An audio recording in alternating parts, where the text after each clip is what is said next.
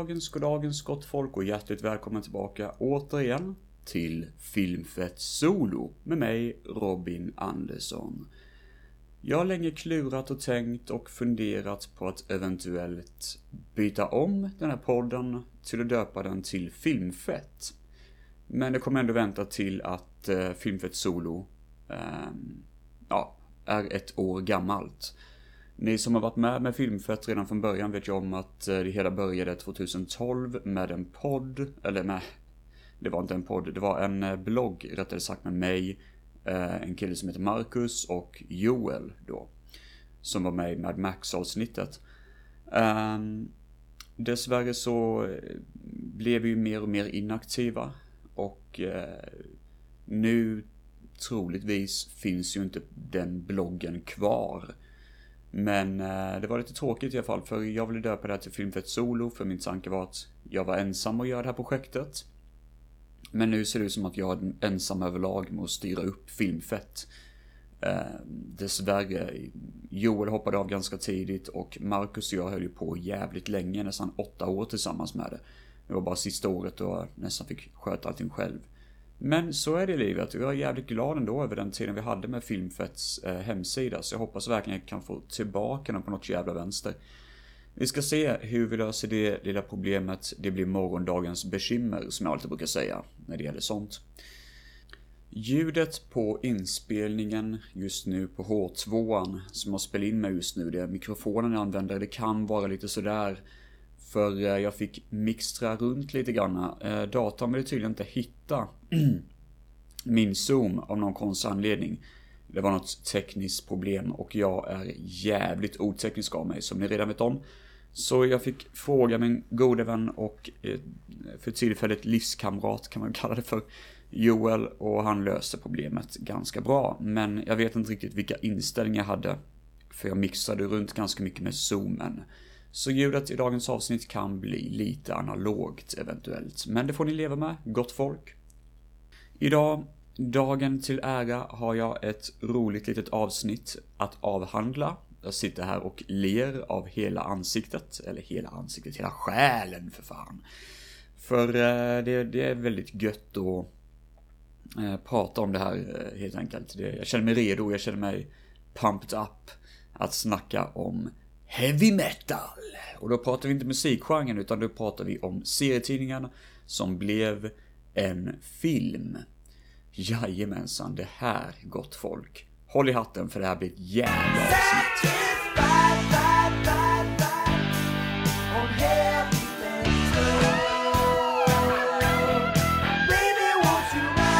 Innan dess vill jag även tacka Josefin Molén som hon så, het, eh, så fint heter. En eh, poddare som bland annat eh, pratar väldigt mycket om mod och modspoddar. Jag glömmer alltid bort vad fan de heter de här poddarna. Jag tror det är... Hon gör någon, någon podd tillsammans med... Alltså det står ju fan helt jävla still i skallen på mig. Jag måste kolla det här. Hon har ju poddarna Mördarpodden och Om det var du. Så eh, det är ganska nice. Hon har ett tredje projekt också på G just nu som har kommit ut för inte så länge sedan. Men jag har inte helt hundra koll på det ärligt talat själv, så ni får gärna kolla upp det på Instagram bland annat. Eh, Josefin Molén heter hon där. Så det är bara att spana in hennes sida. Hon är mycket bättre på att berätta vad hon sysslar med själv. I alla fall, det var det att hon ställde en fråga via sin story då. Om eh, folket som lyssnar på henne skulle vara intresserade av att göra poddar. Vad skulle man, man göra för podd då? Och då svarade jag såklart att jag har Filmfett Solo.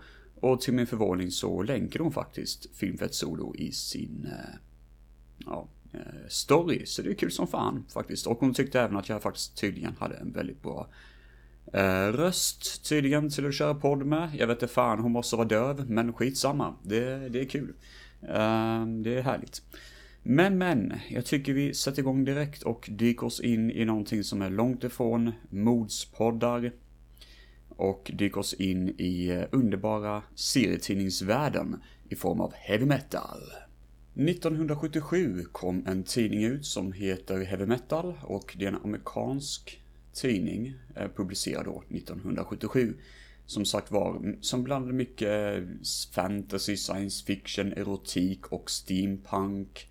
Och en massa olika serietidningar överlag, så det här var ju väldigt många mindre eh, serietidningshistorier som blandades ihop i en enda tidning. Eh, som kanske inte riktigt egentligen hängde ihop, utan det var olika mindre berättelser. Typ lite grann som vi har Agent XX, eller X någonting, vad fan det hette. Vi har lite sådana serietidningar här i Sverige. Um, uh, vad fan, med Modesty Blaze, tror jag bland annat, är med i den serien typ. Men heavy metal eh, är egentligen, det, det, började som en lanserad, eller licensed translation då, en översättning av eh, den franska serietidningen, science fiction serietidningen Metal Houlant. Och hade mycket uh, arbeten, mycket sådana här eh, serietidningstolkningar av bland annat Mobius, som är en av de kändaste ehm, eh, serietidningstecknarna som fanns ute. Mobius, eller Mobius, eller vad fan man ska säga, en fransk eh, konstnär som bland annat har inspirerat filmen Femte elementet, Blade Runner och mycket andra goda saker. Och överlag så tror jag att heavy metal var den stora eh, liksom eh, sparken i röven för den här typen av generalitet. Att visa de här underbara konstnärerna för allmänheten och inte bara för frans, eh, fransk marknad då. Så det är, det är ganska coolt ändå hur eh, den här serien kom att bli så stor. För det, den är ju 44 år gammal idag och fortsätter fortfarande idag. Kanske inte lika effektivt som det var eh, under 80-talet bland annat. Men heavy metal, tydligen vad det står här, fre frekvens så släpps det sex gånger per år. Så det är ju verkligen speciellt när den här eh, serietidningen kom ut. Och eh, personen som skapade heavy metal heter tydligen eh, Leonard Mogel. Eh, kan vara intressant att veta. Tack Wikipedia, säger jag.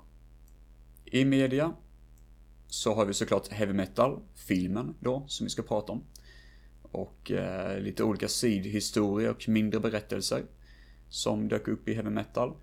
Eh, det fanns också en 3D-animerad film som heter War... War Fan vad dåliga jag på engelska. War of the Worlds Goliath. Som eh, skulle vara tydligen en uppföljare till eh, Världens krig av H.G. Wells.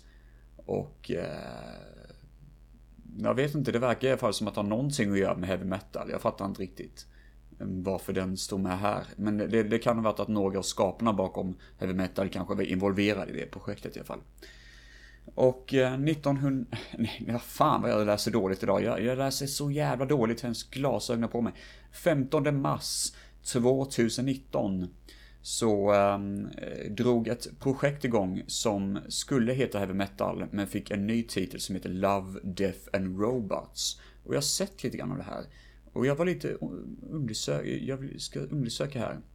Hur fan det var tänkt sig.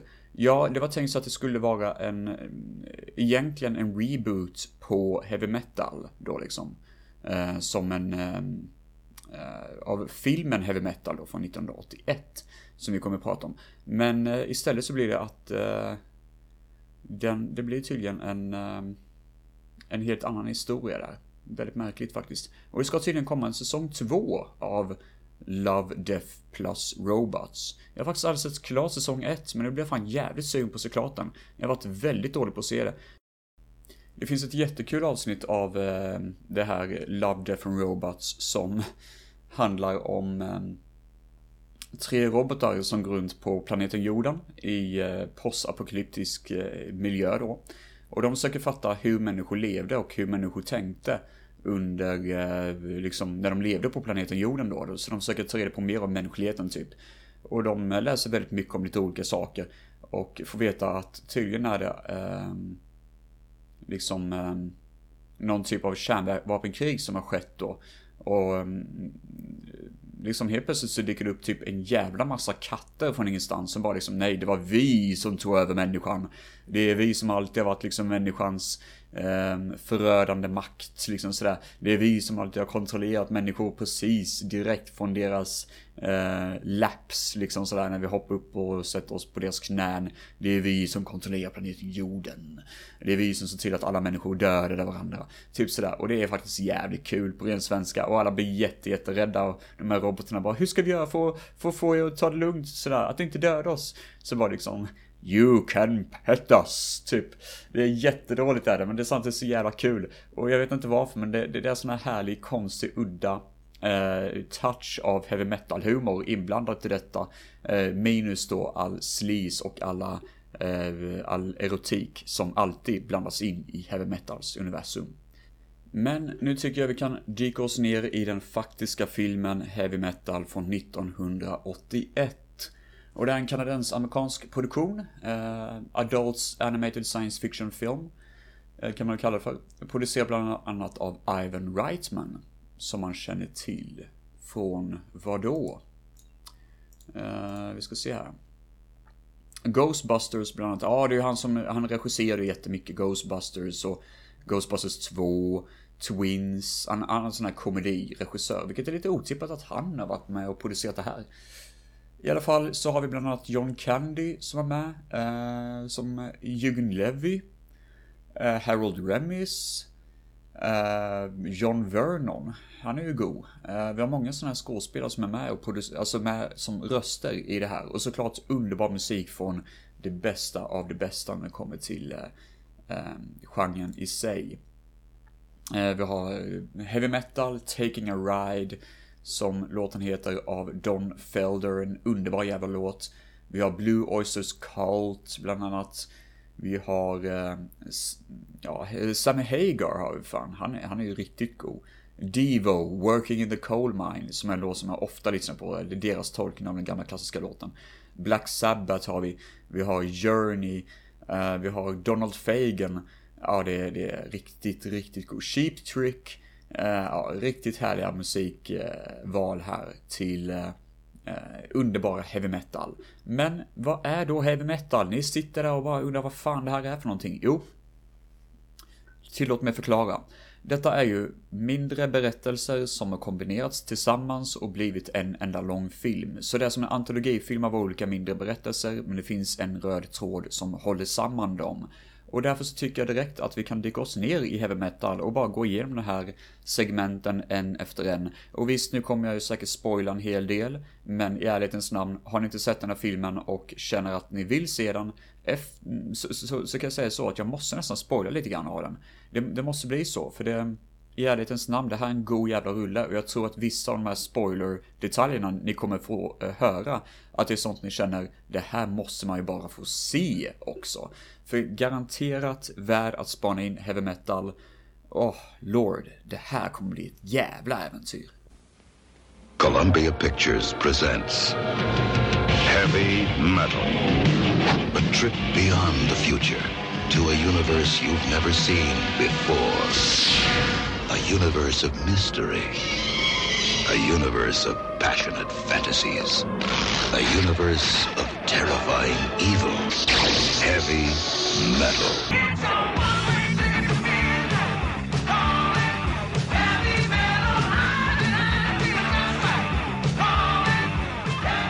Heavy metal, a step beyond science fiction. Vi börjar med Soft Landing och Soft Landing är introduktionen till avsnittet. Det hela går ut på att en, eh, en rymdfärja ovanför en planet glider runt och helt plötsligt så öppnas en sån här dörr under rymdfärjan och ut flyger det en bil som eh, bara liksom flyter genom rymden och det sitter en rymdgubbe i sån här rymdkostym i bilen. Eh, och hela det här segmentet är kombination av animerat och eh, datanimerat och tecknat. Så det ser riktigt snyggt ut faktiskt, det ser riktigt coolt ut. Och det här är ju faktiskt också, eh, det blir en parodi på det i South Park. För South Park-skaparna hatar tydligen den här filmen och vill göra en parodi på den av någon konstig anledning. Och tyckte tydligen att det var ett jävla helvete att behöva se om filmen igen. Jag fattar inte vad de tycker, hur de kan hata den här filmen, den är fan fantastisk. I alla fall, det här är också ett segment som eh, Elon Musk använde sig av när han sket ut en bil rakt ut i rymden och eh, gjorde något konstigt experiment. Jag vet inte fan vad syftet var bakom det. Men han gjorde något sånt med en bil i alla fall som flyter, flyter runt i rymden. Eh, helt plötsligt så flyger bilen rakt ner i atmosfären på den här planeten och eh, föraren drar en spak och det flyger ut en sån här eh, eh vad heter det, fallskärm. Och den landar mjukt på marken och kör iväg i en jävla fart. Det här skulle kunna vara så jävla cool reklam för en bil. Alltså på riktigt, för det är riktigt häftigt. Det är så man startar igång en, en jävla show. Och det här är tydligen då en, eh, ja, en serie i sig från heavy metal som man har inkomponerat i storyn då. Så det var soft landing och då tänker ni kanske fan vad onödigt att ha en sån liten kort eh, liksom eh, kortfilm. Men egentligen, även om detta är ett segment för sig, så får vi se nästa segment och det är Grimaldi. Grimaldi är att den här bilen kör fram till ett hus och utkliver en eh, förare, då en rymdgubbe som tar sig sin hjälm, träffar sin dotters och de kramas och håller på liksom. Och så berättar han då att han har med sig något riktigt coolt från rymden, från sin eh, expedition han hade. Så han tar fram en eh, grön sten och eh, helt plötsligt så förvandlas han till ett skelett när han försöker röra den här gröna stenen. Och dottern skriker av ren jävla rädsla. Bara, vad fan, nej, pappa, pappa, liksom sådär. Och eh, det fattar man ju varför hon reagerar så. Den här stenen börjar glöda utav bara helvete och börjar hota den här dottern genom att berätta att stenen är epidementet av ondska, att inte tid och rum existerar inte för den här stenen och att han ska visa för henne vad stenen har gjort genom hela sitt liv. Så eh, då började den här stenen återberätta resten av historierna för den här kvinnan då, eller den här unga tjejen. Och eh, det är då liksom eh, berättelserna som klipps ihop med alla de här antologiberättelserna. Så stenen är den röda linjen, eller den röda tråden i hela storyn, i hela, i hela filmen. Och det är lite klurigt i och med att den existerar tydligen bortanför vår, vår förståelse. Men det är också det som är kul på sätt och vis, för då får man bara dyka in i den här underbara, märkliga världen av heavy metal och njuta av vad vi får se. Eh, så det, det, jag gillar ändå det. Det är nice berättat och eh, det kommer, eh, det kommer bli bättre, kan jag garantera er. Vi befinner oss i framtidens Manhattan i första berättelsen som heter Harry Canyon. Och Harry Canyon är en, ehm, eh, ja vad ska man säga, taxichaffis som kör runt i ett väldigt slitet Manhattan som är verkligen nedfördärvat. Och eh, han eh, tycker inte om sitt jobb men han kör runt typ sådär och folk försöker råna honom och han trycker på en knapp i sin bil som gör att den här människan förvandlas till ett skelett. Typ lite grann som det här klotet gjorde i början av filmen. Och ehm, sen så bara plockar han upp den här snubbens pistol som han försökte råna honom med och bara slänga in det i eh, handskfacket där det ligger typ massa granater och skit. Så han har varit med om det här förr, utan tvekan. Och det här är ju en scen som garanterat påminner väldigt mycket om en viss liten film som heter Heavy Metal. Nej, fan säger Heavy Metal. Eh, Femte Elementet. Och det är ju för att Femte Elementet är eh, direkt inspirerat av bara det här segmentet. I alla fall början av det hela. Harry Canyon kör runt som sagt var. Han blir involverad i en kvinna som jagas av gangstrar för att hennes pappa blev typ ihjälskjuten eller något. Har jag för mig. För att den här pappan har hittat då en viss sak. En viss item. Som de här gangsterna vill få tag på. Och hon vet var den finns, men hon är jätterädd och eh, hon eh, svimmar av av chocken. Och Harry tar med henne till sin eh, lägenhet, hon vaknar till.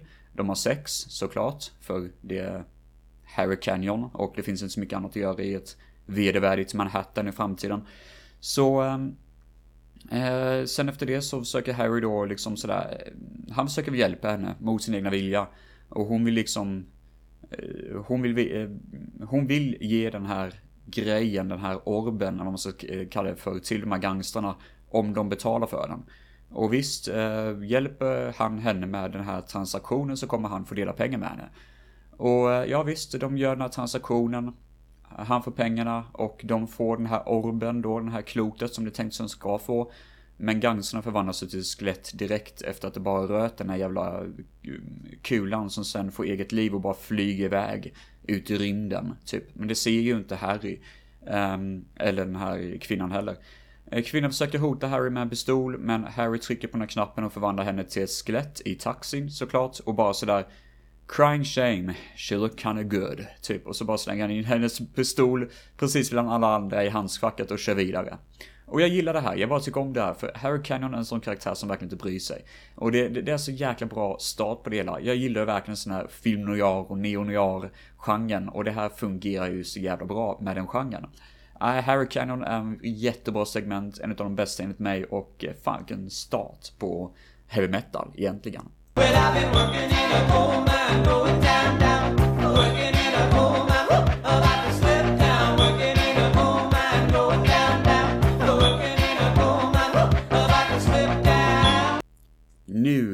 iväg till fantasyland och fantasyäventyr med den fantastiska storyn Den. Och den är en av de mer stora berättelserna i heavy metal serietidningar faktiskt. För eh, det här är typ heavy metals version av Conan Barbaren kan man säga. Och i filmen den, eller filmen Heavy Metal, så får vi en jävla cool tolkning av den här karaktären. Jag tycker skitmycket om honom. Och ja, han är ball, han är cool som fan. Den berättar om en ung kille som bor mitt ute i typ Who gives a shit någonstans i, på planeten jorden. I ett ganska ruttet hus. Han är typ 14, 13, 14 bast kanske. Och håller på att experimentera med någon sån här science project inför skolan. Han är ju klockren jävla nörd. Och det kan man ju, ja, relatera till. Helt plötsligt så dyker den här stenen upp på något jävla vänster. Jag tror den flyger in genom fönstret och eh, han får en elektrisk chock eller en sån skit när han rör stenen och åker in i någon typ av interdimensionell transaktion och hamnar på en helt annan planet. Men han är inte den taniga nörden längre, utan nu är han en skallig, muskulös man som heter då tydligen Den. Jag vet inte riktigt varför han fick namnet ifrån. Men jag tror, jag, jag tror han bara döper sig själv till Den väldigt snabbt. Och han bara liksom kollar sig själv i, i ja, överallt typ och bara oj shit, jag har fått en stor penis typ liksom. Uh, ja, jättekonstigt, jag håller med. I alla fall så, denna planeten är typ verkligen sådär förhistorisk djungelplanet typ. Och han inser att det är någon kvinna som är i eh, fara, för det är någon sekt som håller på att göra någon offerceremoni med den här kvinnan då. Hon är såklart naken. Och eh, han bara, oj vad håller ni på med typ sådär liksom. Och inser det att ledaren för den här kulten har någon typ av um, den, eh, har den här gröna stenen i typ någon sån här, eh, jag vet det, eh, pinne, eller vad man ska säga, en stav kan man kalla det för. Och den knockar ner folk och flyr med kvinnan då. Eh, vilket gör då att de letar i den här sekten. Sen blir den involverad efter att ha sex med den här kvinnan. Med någon typ av eh, drottning som bor på andra sidan planeten. Och hon har, är i krig med den här onda, onda karaktären då. Och tvingar den till, hur fan var detta nu igen? Till att försöka ta över det här staven från den här sektledaren. För de påstår att sektledaren är odödlig och enda sättet att döda honom är att stjäla hans stav. Och eh, den går med på det. De bryter sig in i själva byggnaden då, eller själva det här eh, templet som eh, sektledaren har. Men den inser ju att båda karaktärerna, båda de här karaktärerna är ganska onda. Och han tycker inte riktigt om att ge sig in i politiken. Så han sticker istället med den här barbryssade kvinnan medans eh, den här onda kvinnan och den här onda sektledaren slåss mot varandra i en fistfight. Och försöker liksom sno den här staven. Men då slår det ner en jäkla blixt och typ dödar båda två samtidigt. Um, var på en, ja jag kommer inte ihåg hur, riktigt hur det är men kulan flyger iväg i alla fall på något jävla vänster igen. Och um, den bara liksom, ja det här är en konstig värld men det, det är mycket bättre än att vara hemma på min hemplanet typ liksom. Och så åker han iväg då med på en gigantisk flygande eh, fluga typ med den här barbröstade kvinnan då. Och det är den, det är storyn om den och det är helt, eh, det, det är fantastiskt välgjort, alltså riktigt snygg miljö är det. Och det är cool action och jag gillar den som karaktär. Han är karaktär kanske dumt att säga, men han ser ut som en parodi på uh, Vin Diesel för fan. Och jag gillar det. det, det är härligt, det är kul, det är magiskt och faktiskt ett väldigt bra avsnitt av heavy metal, ärligt talat. Hanging's too good for him. Burning's too good for him. He should be torn into little bitsy pieces and buried alive. Hanover. I'll kill him! Kill! Captain Stern är nästa episod i eh, programmet då. Och där är vi mitt ute i rymden i en rymdstation där det är en rättegångsförhandling eh, då mot den eh, märkliga Captain Stern som beskrivs som en hjälte. Och han, jag tycker att han är väldigt lik eh, Captain Quark från Ratchet Clank-serien. Det måste vara en inspiration där, jag är helt hundra på det. Att Ratchet Clank inspireras av Stern. I alla fall så är det så att Stern hyllas som en hjälte av många, men den här rättegången är emot Stern. För tydligen har han våldtagit folk och han har gjort hemska saker. Och Stern bara stod där och ler hela tiden, för han vet om att hans nästa eh, vittnesmål har blivit betald om att hålla tyst om vad Stern har gjort, typ. Så, eh, vad fan heter han? Hanover Fist heter han, just det, det heter han. Som dyker upp och ska hålla rättegångsförhandlingarna då mm, eh, till Sterns fördel. Och liksom vara sådär att Stern är den bästa mannen som finns på planeten jorden, typ sådär håller på. Men så har han den här lilla kulan, den här lilla gröna kulan. Och det på att leka lite grann med den under tiden som man sitter och pratar om hur bra Stern är. Och den här kulan förvandlar helt plötsligt Eh, Hanover Fist från att vara en liten nördig kille som sitter och ska försöka förhandla och prata om hur bra eh, Captain Stern är till att bli Hulken typ. Och jagar honom genom hela jävla eh, rymdstationen tills eh, Stern betalar honom pengar för, för vad han har gjort. Sådär liksom. Att han eh, förhandlade sig för Sterns fördel. Och eh, då så blir han jätteglad och eh, Stern bara liksom sparkar ut honom ur rymdstationen varpå han brinner upp. Och handen förvandlas till ett skelett som fortfarande håller den här lilla kulan då liksom. Eh, som bara liksom flyger genom rymden. I ärlighetens namn så är detta kanske en av de tråkigare avsnitten, eh, eller episoderna, för det, det, det låter kanske lite småkul berättade, men det är inte så kul. Den är väldigt kort och väldigt onödig och skulle egentligen mycket väl kunna klippas bort helt och hållet. Men jag gillar ändå storyn om Captain Stern på något vis. Och jag gillar ändå hans eh, egoistiska karisma. Och jag tycker om såklart Captain Quark från Ratchet Clank. Som man sitter och ler och det, även om det är lite sådär segt att kolla på så är det fall inte tjuren Ferdinand från eh, Kalanka och hans vänner. Så det, jag kan ändå överleva med det hela, så att säga. Nästa segment är faktiskt bortklippt och jag tror inte ens det blir klart överhuvudtaget och det heter no, Neverwhere Land och handlar om hur den här kulan landar på en öde planet och förvandlar hela landskapet till att få evolution. Det låter jäkligt coolt, det hade varit så jävla nice att se, men det klipptes bort av tidsanledning. Jag har nog hellre klippt bort Captain Stern i ärlighetens namn, men ja, what you see is what you get och jag får överleva med det, helt enkelt. B17 är nästa och det här är ganska coolt. Även om det är väldigt kort segment. Det handlar om några sådana här um, flygplan som är i krig mot varandra, troligtvis under andra världskriget kan man väl säga. Eller eh, en version av andra världskriget. De skjuter maskingevär på varandra och de liksom flyger runt och det är, det är många som dör och blir ihjälskjutna och det är ganska blodigt och så. Helt plötsligt kommer kulan och landar i det här flygplanet och förvandlar de döda kropparna på det här stridsflygplanet till att förvandlas till zombies. Så de vandrar runt och dödar alla i flygplanet typ. Och det är en kille som lyckas överleva, landar på en planet, eh, eller på eh, marken. Och det ligger typ flygplansdelar överallt. Det är verkligen en sån här eh, kyrkogård typ. Och så inser han att han är omringad av zombies. Och de här zombiesna ser så coola ut, alltså de dreglar grönt slem och är typ halvskelett. Så det ser så fränt ut. Det ser ut som omslaget på såna här Iron Maiden-album typ. Eh, riktigt coolt är det faktiskt. Och eh, väldigt, väldigt stiligt. Men det är ett kort segment. Jag tror knappast den är, jag ska säga max sju minuter om ens det. Eh, kanske lite onödig, men ändå så jäkla snygg att kolla på. Skulle vara skitballt att ha som musikvideo typ. Men jag är väldigt glad över det vi fick faktiskt. Jag är ändå glad att de behöll det här segmentet. Do we have any of that plutonian Nyborg left? Uh, yeah, just one big. Uh, it's in the transmitter compartment. Oh, thanks man. Näst sista, eller ja, på sätt och vis är det väl det, heter So Beautiful and So Dangerous. Och det här är ganska sågat av vissa människor. Men jag tycker faktiskt den har sin charm också. Den är inte så värdelös som många säger, tycker jag i alla fall. här har vi en, eh, att regeringen på planeten jorden har någon typ av sån här eh, Mm, ja, regeringsförslag eller de ska diskutera någonting som har hänt på jorden, någon sån här kontroversiell historia. Så de sitter i Pentagon och helt plötsligt så är det en av dem som blir typ helt bananas och börjar skutta runt på bordet sådär liksom. Och eh, blir jättekåt och ska typ våldta någon kvinna typ liksom. Men det är inte det att han ska våldta henne utan det är det att hon råkar ha smycket på den här gröna stenen runt sig och eh, det gör att han går bananas.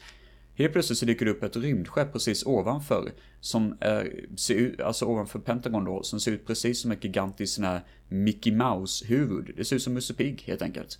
Och suger upp eh, ett rör som bara kör rakt genom väggen typ, eller taket. Och suger upp både kvinnan och den här roboten genom röret och rakt upp i, i den här farkosten innan de flyger iväg. Då visar det sig att den här eh, eh, mannen som betedde sig jättekonstigt, att det är faktiskt en robot tydligen, som de här utomjordingarna byggt ihop och det gick åt helvete. Och den här kvinnan råkar också sugas upp i det här röret. Och de bara, ah, okej, okay, det var inte tänkt att du skulle sugas upp också, men ja, ah, det får väl hänga med också typ. Och hon bara, vad va, va är vi någonstans där? För de vet inte att utomjordingar finns tydligen. I den här storyn då. Um, och han som är ledaren över de här utomjordiska folken, det är eh, en mus. Eller han ser ut som en robotmus. Det är en robotmus. Och eh, han börjar ligga med den här kvinnan såklart, vilket är jättekonstigt. Men vi får inte se något, thank God. Men det är ändå så, alltså, de vaknar upp i samma säng sen efteråt. Eh, och diskuterar mycket om deras relation. Eh, hon tycker det känns konstigt att vara tillsammans med en mus, typ en robotmus. Och samtidigt så är det det att förarna bakom det här gigantiska flygplanet, eller den här rymdfarkosten, är två hippies typ som tar någon maskin och liksom sådana här... Ehm, lägga ut en massa linor och kokain på golvet och bara suga upp det med gigantiska snablar som de har på deras huvud för de är utomjordingar.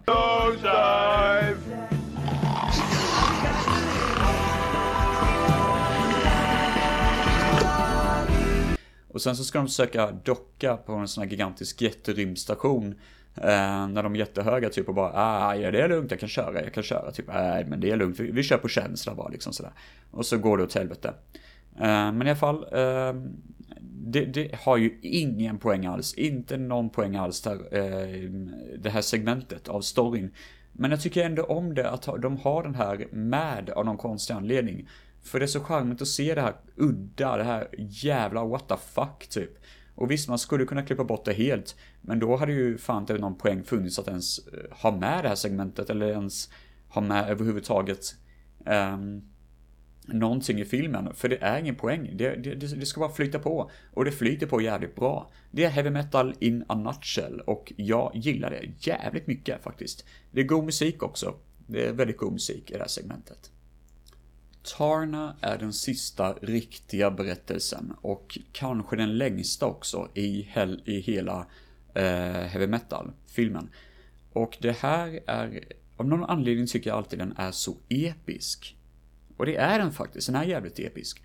Det handlar om en kvinna på en planet som eh, får sån här eh, distress call, eller rättare sagt hur fan börjar det egentligen nu? Ja, i alla fall. Det, det är ett folkslag som blir muterade, kan man väl säga, av den här gröna orben och blir typ onda eh, zombies som springer runt och de invaderar en stad.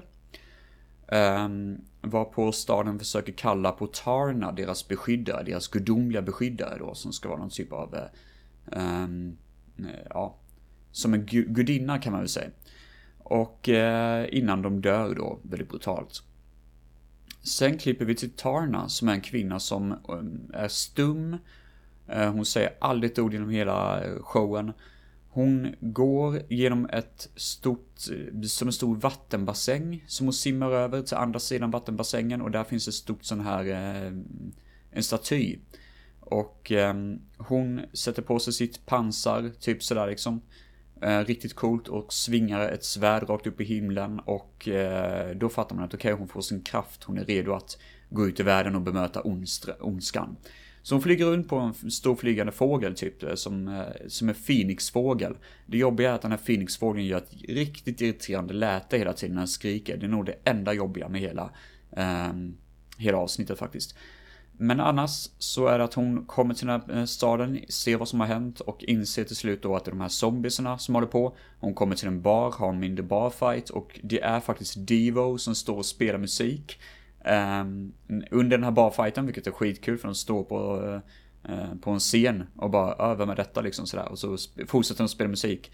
Um, kommer inte ihåg om det är Working in the Coal Mine. Nej, det är det inte, för det är avslutningslåten på hela, hela, hela filmen förresten. Men i alla fall, uh, eh, Tarna fortsätter då. Eh, through being cool heter låten. Just det. We are through being cool. Riktigt god låt. Får se om man kan spela upp den här kanske. We're through being cool. We're through being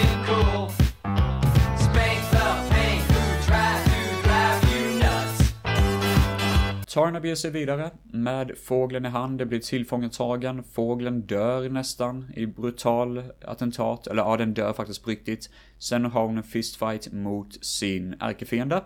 Som hon tidigare faktiskt har huggit av handen på i den här eh, bar, barfighten då. Och det är då ledaren över the, the bad guys. Och eh, hon lyckas då besegra honom. Och helt plötsligt så eh, får en vulkan ett utbrott. Och det är grönt eh, slime har jag för Nej, just det, det var så de blev, de här zombiesna. Det var att den här eh, stenen åkte ner en vulkan och skapade ett vulkanutbrott som gjorde att alla närliggande bönder förvandlades till muterade zombies. Så var det. Men i alla fall, hon dödar the leader of a gang och eh, flyger iväg till himlen. Jag tror till och med hon dör om jag inte minns fel, att hon dog i det epidementet i Tarna. Eh, och det är väl slutet på den berättelsen, men det är jävligt coolt i alla fall. Sen det sista epidementet i hela heavy metal, eh, första filmen, det är The Epilogue, som det kallas för. Och epilogen är hur det hela slutar, den här berättelsen med den här glödande stenen. Och det är ganska dåligt egentligen. För helt plötsligt när stenen visar vad den har varit med om och när Tarna har vunnit och allting så är det som att stenen bara typ tar självmord. Den bara krackelerar och dör. Och man bara, ha okej. Okay, random. Jag menar visst, jag fattar att han existerar bortom tid och rum, men vad fan betyder det egentligen? Betyder det att samtidigt som han berättar det här så händer allt det här samtidigt eller? Jag fattade ingenting. I alla fall så dör stenen och den här överlevande tjejen får helt plötsligt besök av den här flygande eh, Phoenix-fågeln från Tarn-äventyret.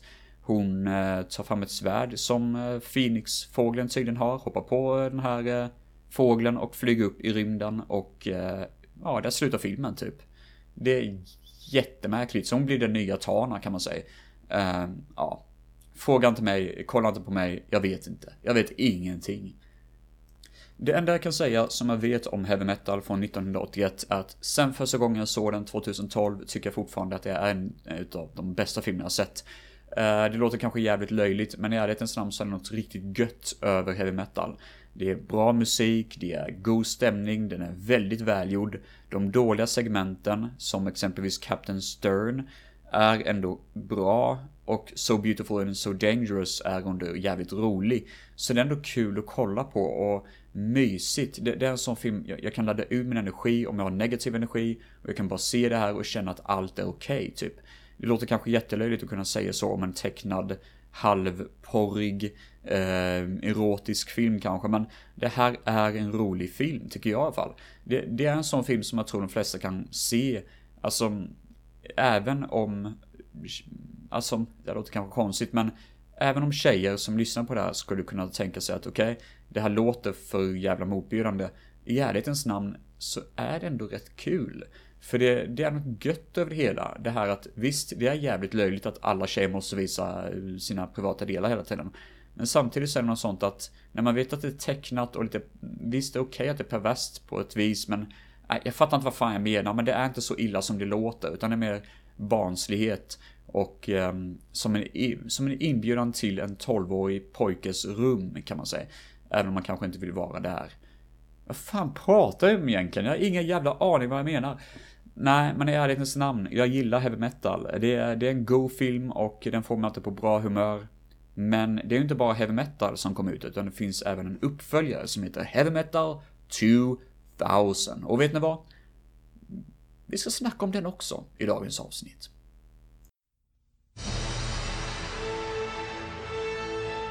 It was first discovered on Earth. Some say we can never win against it. Some say we've already lost. And some call it by a name. Heavy Metal 2000. Don't talk, don't touch, don't even breathe. She's armed to the teeth. It's not for the meek.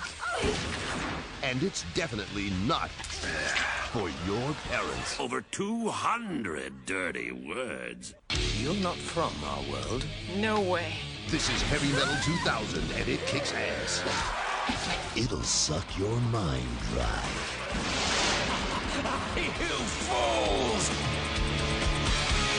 Ja, då så mina damer och herrar, då är vi klara med Heavy Metal. Från 1981.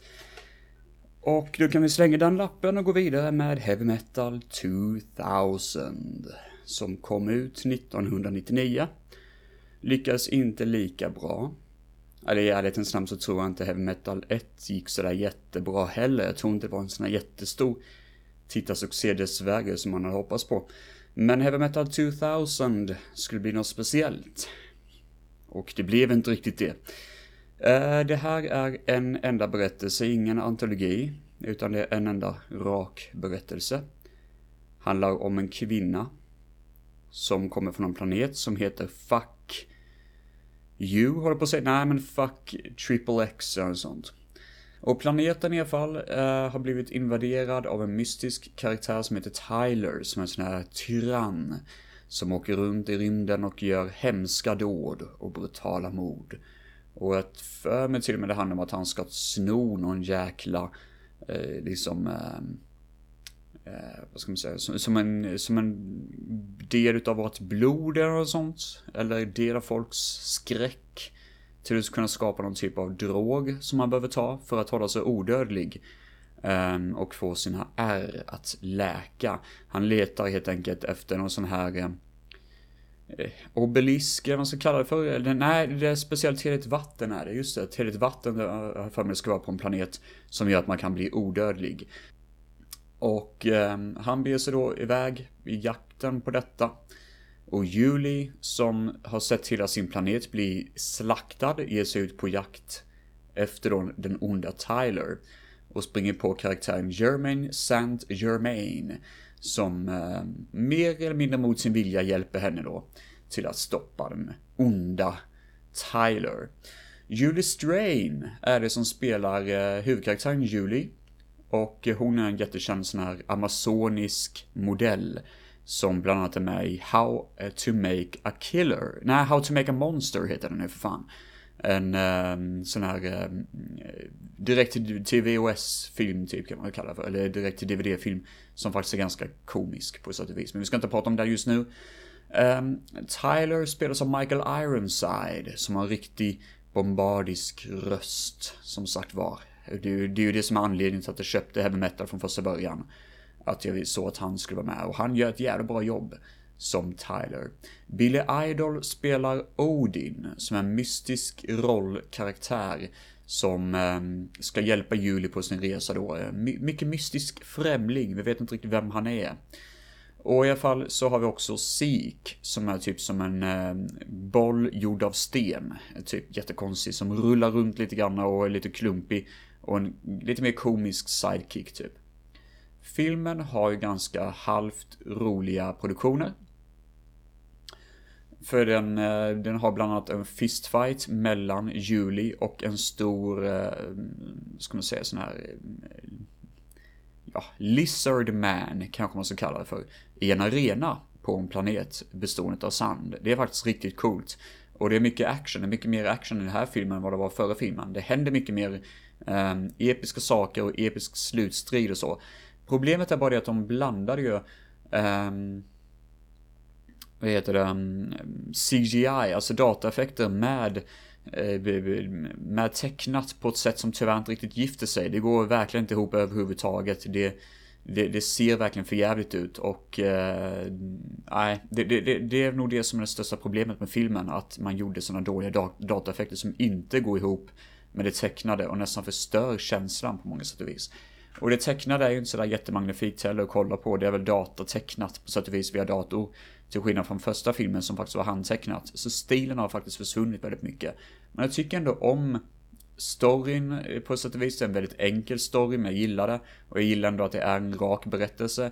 När jag såg filmen så insåg jag att okej, okay, detta är ju en söndagsfilm. Den ligger ju inte alls i samma nivå som första filmen som faktiskt är välgjord på alla sätt och vis.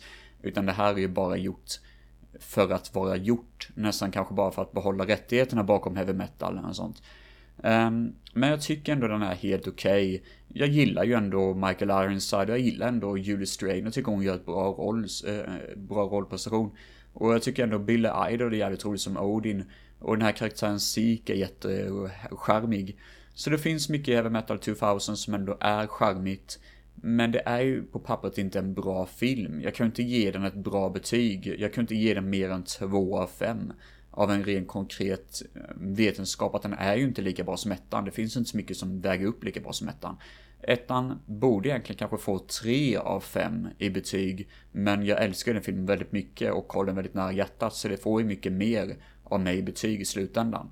Men eh, till skillnad från, eh, från ettan så är detta verkligen medelmåttigt. Och eh, ja, det är ju inte direkt en resa till Italien om man säger så, utan det är kanske en resa till, ja, Max hamburgarkedja och sånt kanske. Då är vi klara med eh, heavy metal och har gått igenom de två filmerna. Det har varit jävligt kul faktiskt, men jag känner att vi har lite tid kvar.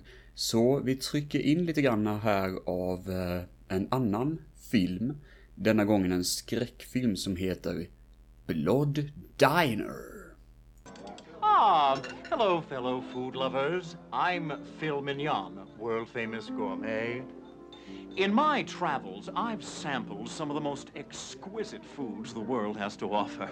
That's why they've asked me to tell you all about a charming new eatery located right downtown.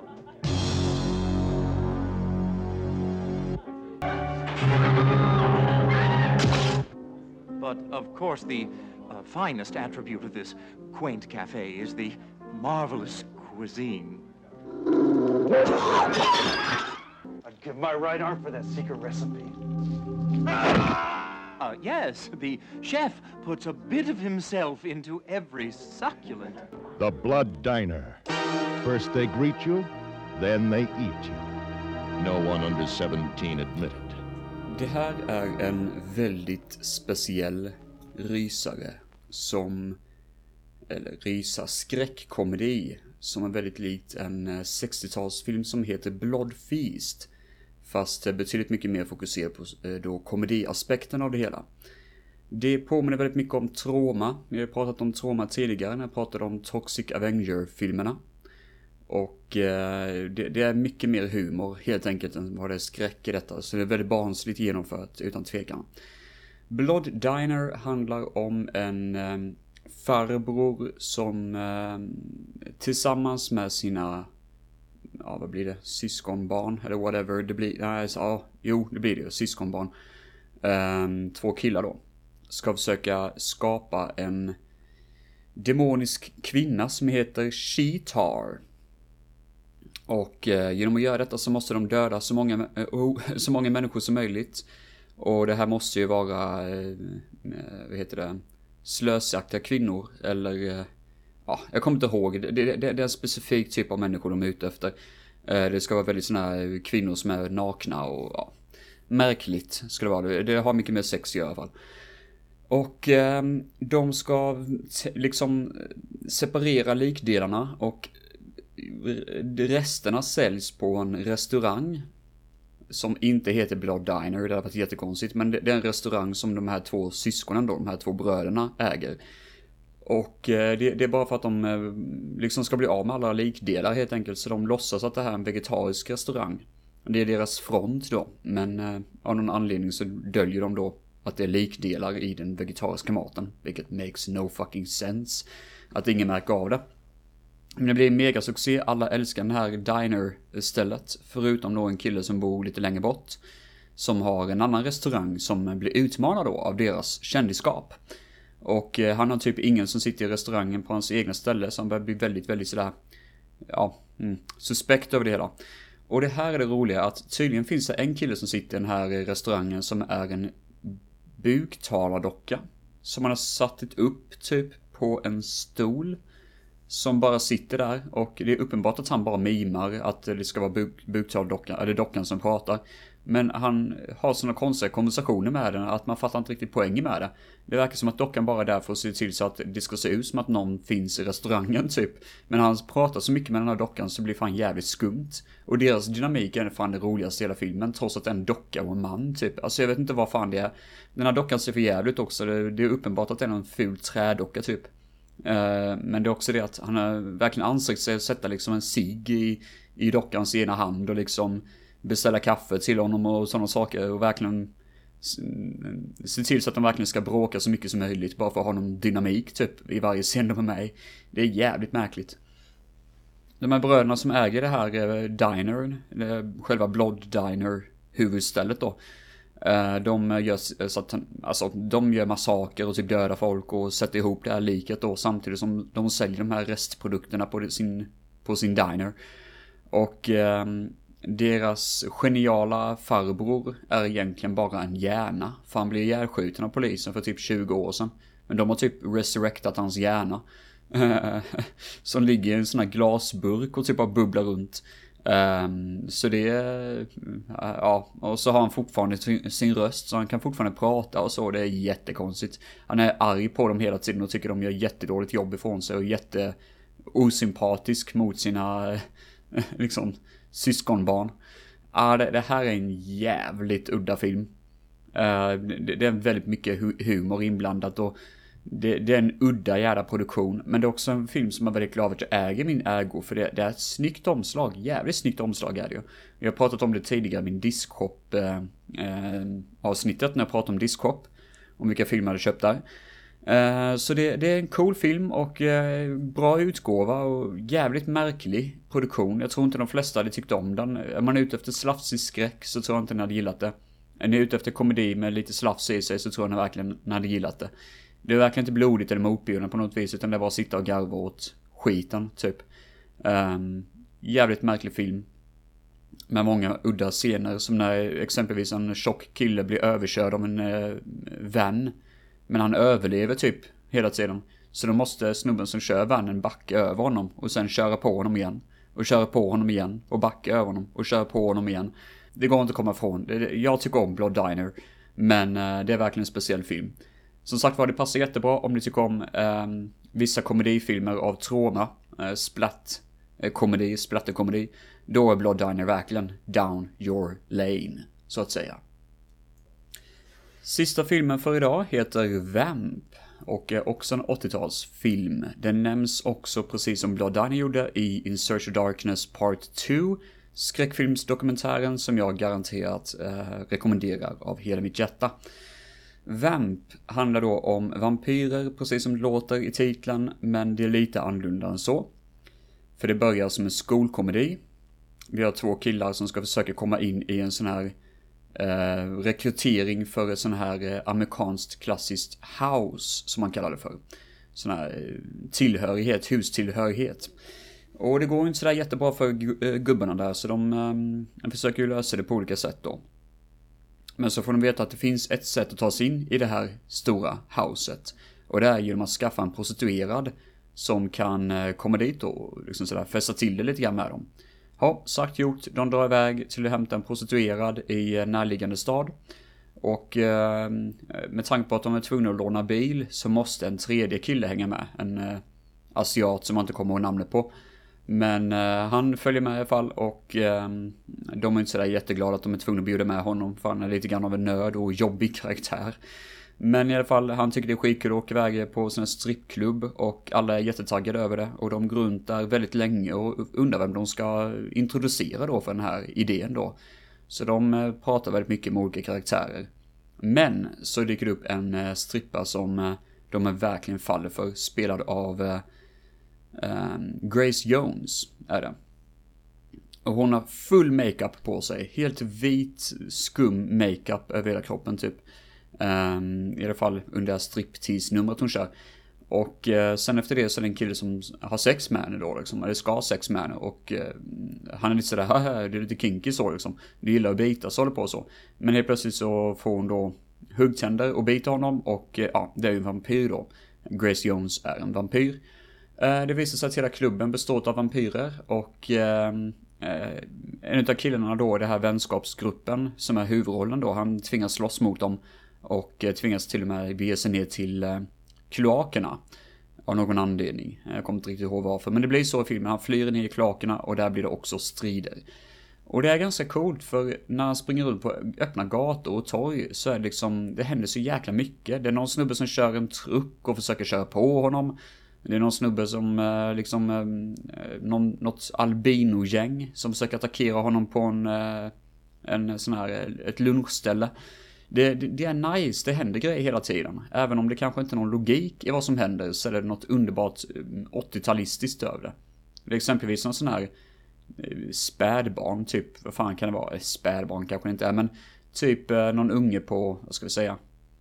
Um, tio år kanske, som eh, börjar hoppa på en kille och bita honom. Och man bara, vad fan är det som händer typ liksom? Det kommer vi aldrig få svar på. Men skitsamma, det är kul att se.